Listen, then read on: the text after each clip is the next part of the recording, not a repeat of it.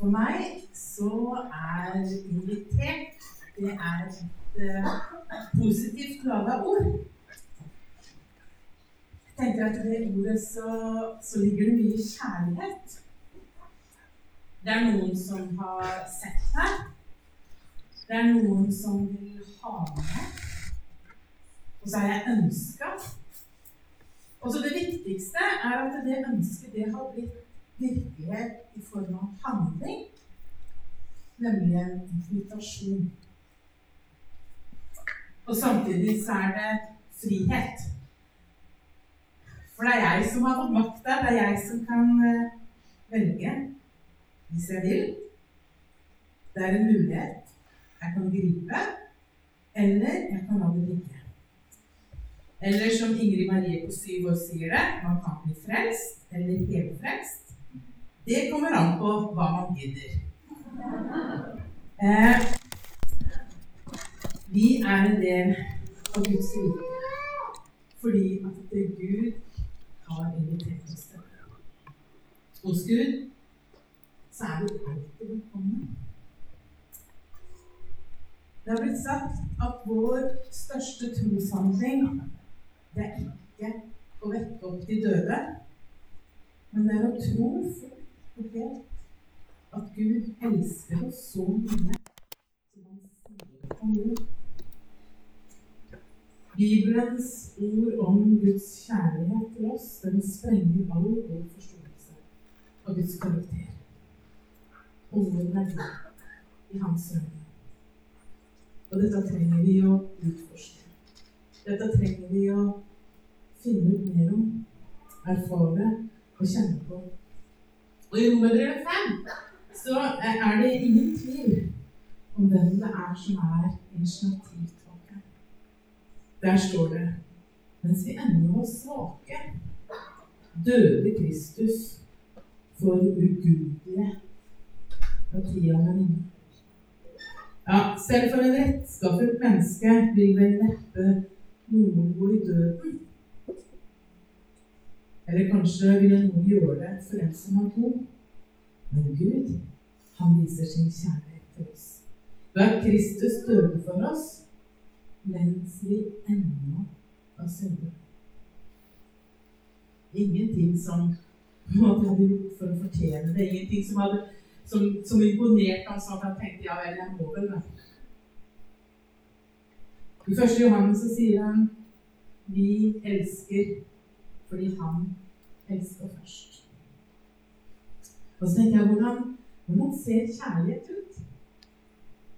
Og kanskje kan vi si at, at kjærlighet, det er å være invitert. I dag så har jeg lyst til at vi skal gjøre noe litt annerledes. Jeg har ingen bilder på PowerPoint, og det er fordi jeg vil at eh, dere skal lage deres egne bilder. Jeg har lyst til å invitere dere med inn i en eh, refleksjon. Og først så tenker jeg at vi skal ta oss og trekke pusten sammen. Eh, det er alltid sånn at vi, vi puster bare på overflaten. Kanskje litt, det liksom går litt sånn øverst her, men vet du hva vi trenger å trekke pusten dypt.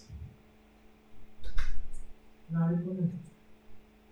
Nå er vi her for å være sammen med hverandre med Jesus.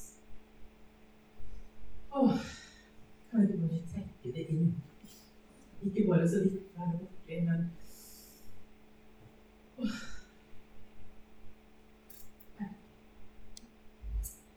Ok. Du må ikke, men jeg inviterer deg til å lukke øynene.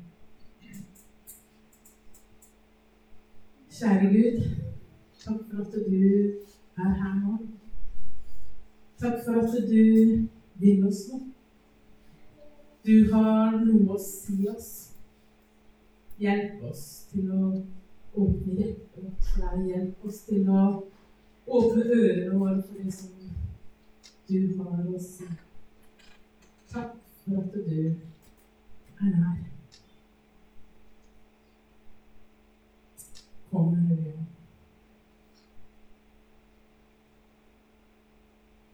Du bare fortsetter å lukke øynene dine.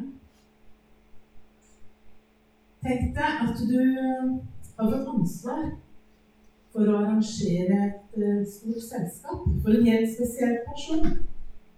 Til en helt spesiell anledning. Og det kommer til å bli en fantastisk fest. Alle vennene dine blir invitert.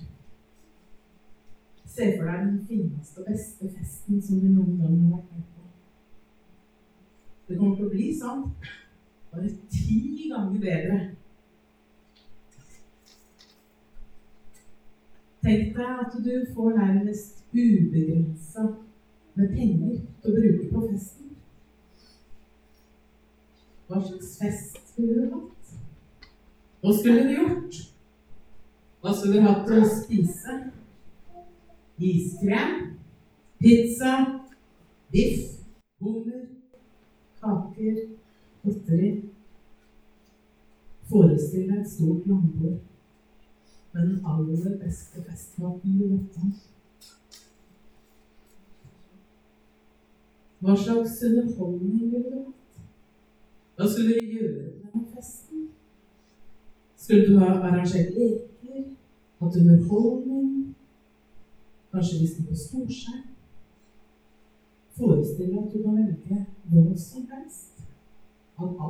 har mest lyst til. Så kan du tenke på hvem du vil invitere. Hvem er dine beste venner? Hvem er det som er viktig for deg at kommer? Se for deg at du lager flotte invitasjoner som blir levert på døra. Kjenn på hvor du er Og invitere alle disse menneskene til den beste festen noensinne. Husk at uh, du har fått ansvar for denne festen. Det er noen som har spurt deg om å organisere dette selskapet, og bedt deg om å sørge for at det kommer mange, mange mennesker. Tenk deg at noen få dager før festen så vil han som skal ha festen, han som har gitt ansvaret, han vil vite hvordan det går med planleggingen. Alt er forberedt og helt fint, sier du. Ja, maten er bestilt, og festsalen er pynta. De som skal ha fyrverkerishow, de er klare. Men hva med gjestene, da? Er det mange som har takka ja til å komme? Nei. Så Se for deg hvordan du prøver å forklare at alle har det så travelt. Du har snakka med alle som har fått invitasjon. Og de har sagt at de dessverre ikke har anledning til å komme på festen. Hvordan tror du det føles for ham å holde tidenes fest når ingen har mulighet til å komme?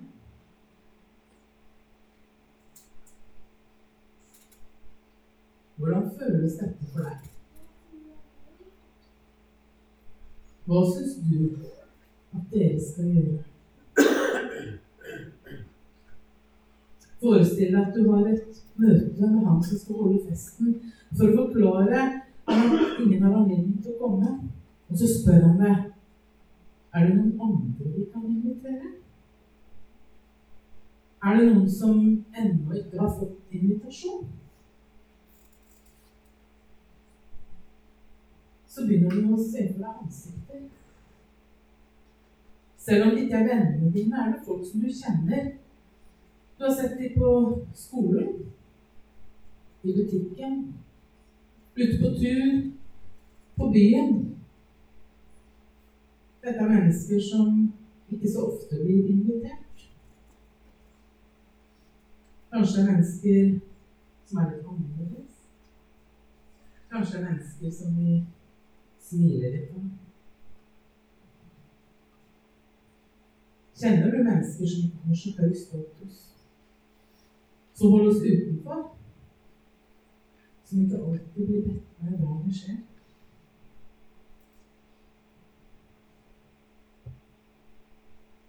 Så sier han som holder festen. Gå ut til alle de som ennå ikke har blitt invitert. Og du går. Se for deg hvordan du lager spesielle invitasjoner til de som ennå ikke har blitt bedt. Og så går du på skolen, på jobb, i nabolaget, i byen, for å finne dem. Forestill deg hvordan det føles å invitere alle disse. Mange av dem har aldri vært på en sånn fest før. Det er kvelden før festen. Du har jobba hardt hele dagen for å få ut alle invitasjonene. Og alle som er invitert, har takka ja. Noen av dem ble så glad at de ga deg en stor klem. Hvordan føles det å kunne invitere den som du holdt utenfor? Hvordan føles det å se gleden i ansiktene deres fordi de er inkludert?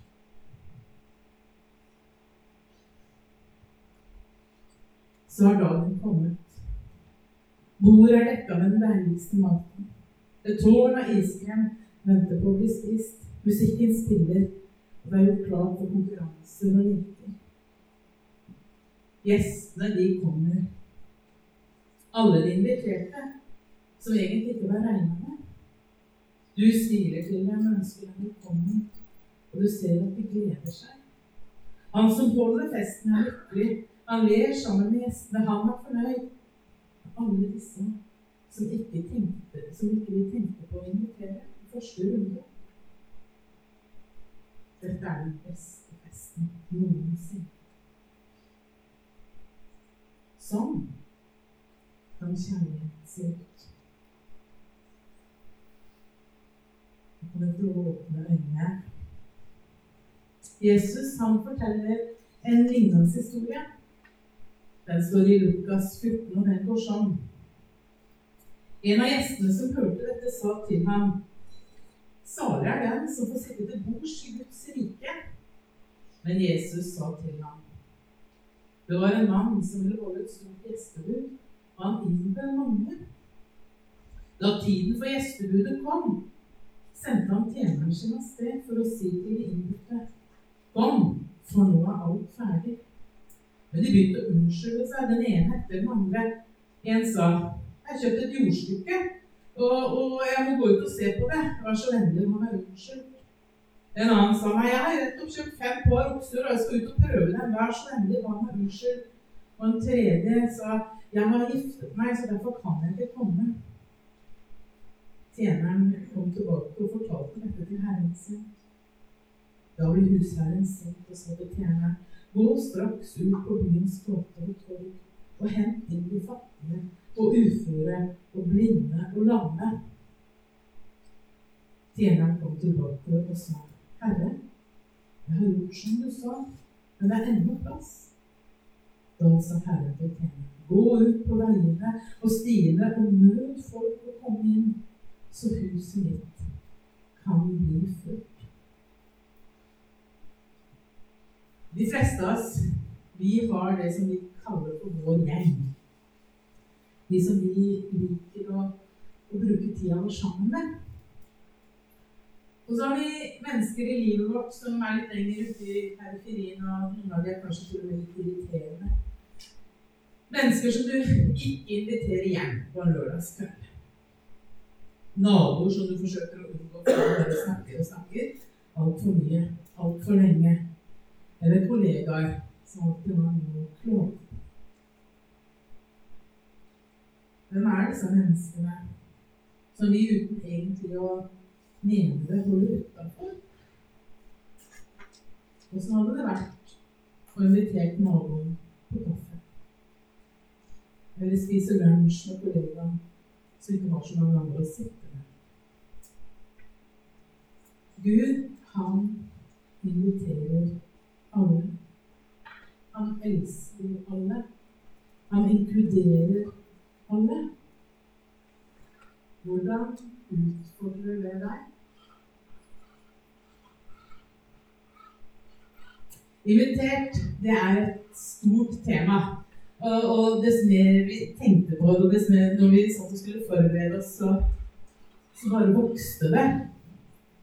Invitert, ja, det innebærer et både og.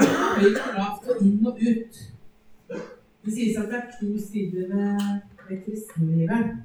At vi var en tjeneste inn i menigheten, og så har vi et oppdrag ut i verden.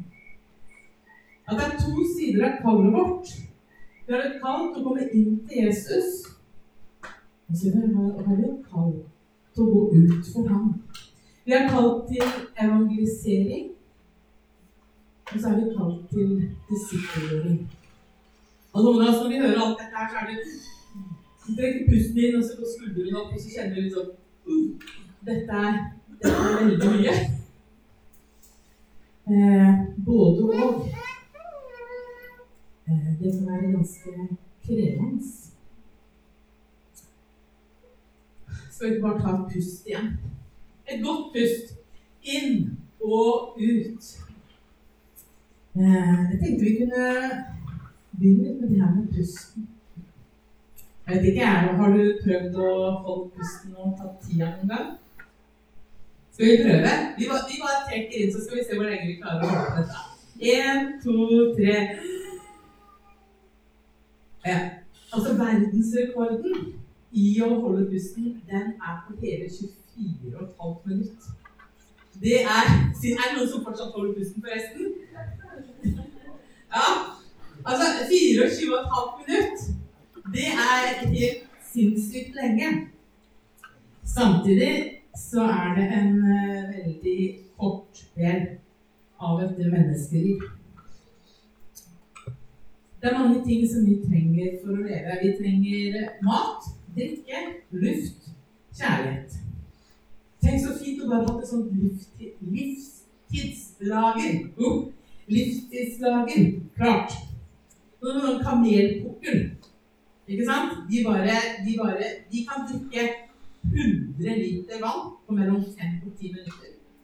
Og så kan de gå i ti måneder uten å ta til seg noe. Ikke Sant? Ti måneder holder du ute i ørkenen. Jeg vil bare si du er ingen kamel. Vi er ikke kameler. Det funker ikke sånn for oss. Eh, ikke med luft. Du kan holde pusten i maks 24,5 minutter. Ikke lenger. Sånn er det med kjærligheten også. Den eneste løsningen det er å gi slipp. sant? Inn og ut. Og stole på det og ta sjansen på at eh, du kan trekke pusten igjen. Inn og slippe det ut. Og idet vi prøver å holde fast, enten på det ene eller det andre, ja, så lever vi jo ikke lenger. Det mister vi. En historie i Bibelen den blir ofte kalt 'Jesus metter 5000'. Og egentlig så er det litt misvisende. Fordi at Jesus han sier til de tolv disiplene sine at uh, dere skal gi dem mat. Dere skal gi dem mat. Og så tar Jesus noen brød og noen fisker, ber, gir til disiplene, som igjen deler ut så alle 5000 blir mette.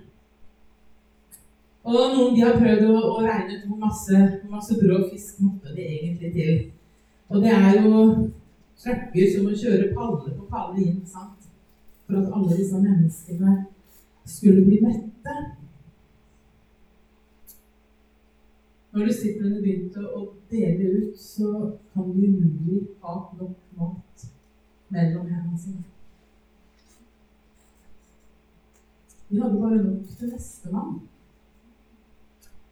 Og så kan man jo spørre seg da hvorfor gikk de i gang allikevel? Disiplene de beskrives av og til som lite flatterende. De er treige til å skjønne hvem Jesus er, og hva han kan gjøre. Samtidig så virker det som om de hadde et lager da, av øh, minner. De hadde sett noe med Jesus før. Noe som fikk de til å ta sjansen. De hadde fått og tatt imot noe for ham. Nå tar de sjansen på å gi videre. 5000 mennesker. Da Jesus fikk høre om det, det er eh, døperen Johannes som har blitt halshugd i fengselet. Og når Jesus får høre om det, så dro han derfra i båt over på et øde sted for å være aleine. Men folk fikk greie på det, og fra byen fulgte de etter ham til fots. Da han nå gikk i land, fikk han se en stor folkemengde, og han fikk inderlig medfølelse med dem, og helbredet de syke blant dem. Men da det ble kveld, kom disiplene til ham og sa:" Stedet er øde, og det er alt blitt seint. Send folket fra deg, så de kan dra til landsbyen og kjøpe seg mat. De trenger ikke gå herfra, sa Jesus. Dere skal gi dem mat. Ja, men vi har bare fem brød og to fisker her, svarte de. Da sa han, bring dem hit til meg. Så ba han folket sette seg ned i gresset. Og han tok de fem brødene og de to fiskene, løftet blikket med himmelen og ba takkebønnen. Deretter brøt han brødet og ga til disiplene. Og disiplene, de delte ut til folket. Og alle spiste over. Etterpå samlet de opp stykkene som var til overs. Tolv korver fulle. De som hadde spist, var omkring 5000 utenom kvinner og barn. Det fins ikke noe livstids, livstidslager av luft og kjærlighet. Bare en bevegelse av å gi og av få. Og sånn er det i Guds rike. Det handler om å gi og få. Å gi og få. Og sånn er det for Lista misjonskirke. Og for det kallet som Gud har gitt oss. Vi og få. Noen av oss bare elsker å ta imot. Det er så nydelig. Bare sette seg ned og høre en god tale og sitte i bønn, sitte i lovsang. Åh, bare nyte det. Andre, de elsker å gi. Og de ser behovet for å gi, for det er så uendelig det med behov. Så de gir og gir og gir og gir. Ingen av oss kan bare puste inn eller puste ut. For å være i live så må vi altså nødt til å gjøre begge deler. Vi har en tjeneste inn i menigheten, og så har vi et oppdrag ut i verden. Og vi er kalt å komme inn til Jesus. Vi er kalt å gå ut for ham. Etter oppstandelsen så møtte Jesus en gjeng med motløse disipler som hadde stengt seg inne. De hadde gjemt seg bak låste dører. Oppdraget det var for stort. Jesus var død. Det var for farlig. Og hvem var de? Nå som de var aleine. I Johannes 2021 står det Igjen sa Jesus til dem, Fred være med dere.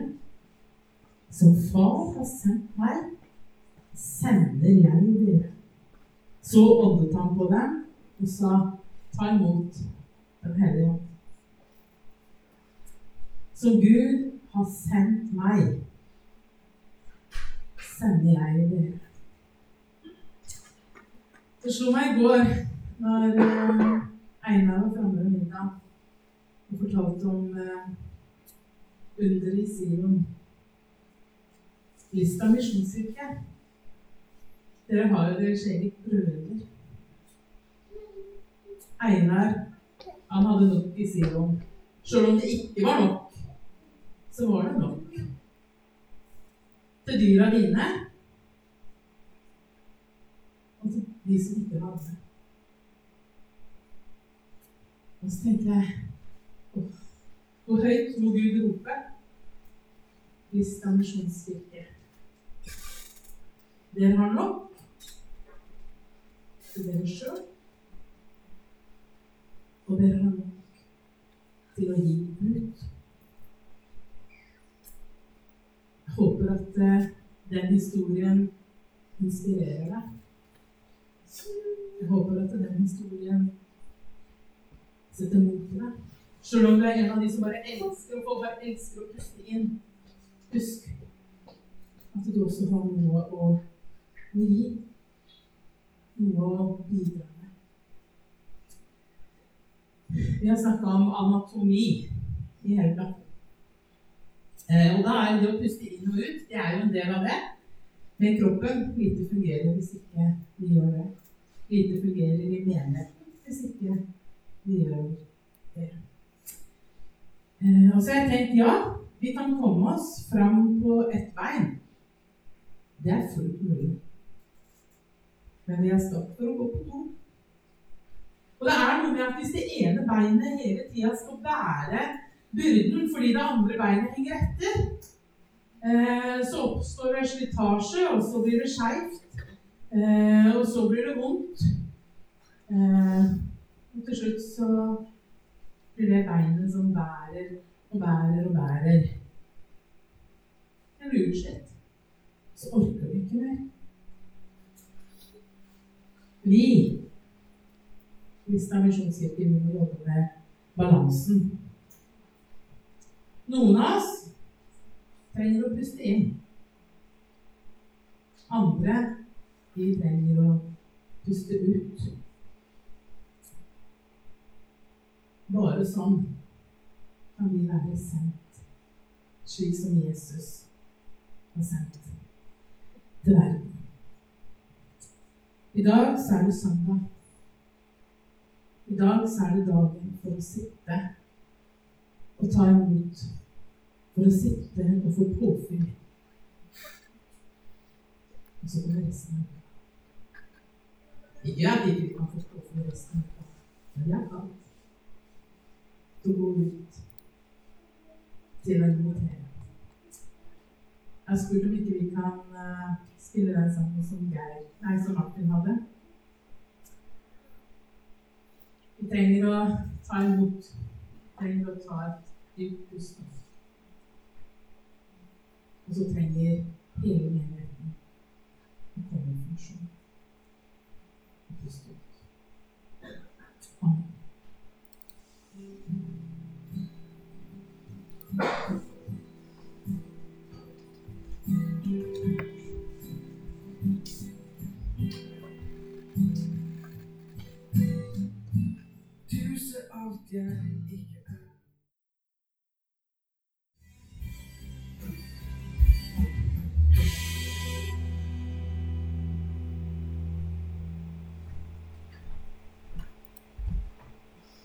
han har satt oss sammen som en kropp. Vi trenger hverandre, og vi er avhengige av hverandre. Han har gitt oss forskjellige gaver som vi skal tjene hverandre med. Noen har oppmuntringens gave, noen har tungetallet, noen har profeti, noen får kunnskapsord, noen får bilder. Noen ber for de syke så de friske. Eh, jeg tenker at eh, nå skal vi tjene hverandre. Eh, nå skal vi bruke litt tid i, i lovsang. Men så skal det også være til at du kan gi. Gi det du får. Gi det som Gud minner deg på. For nå er det vi. Vi hører sammen. Og noen trenger det som du har.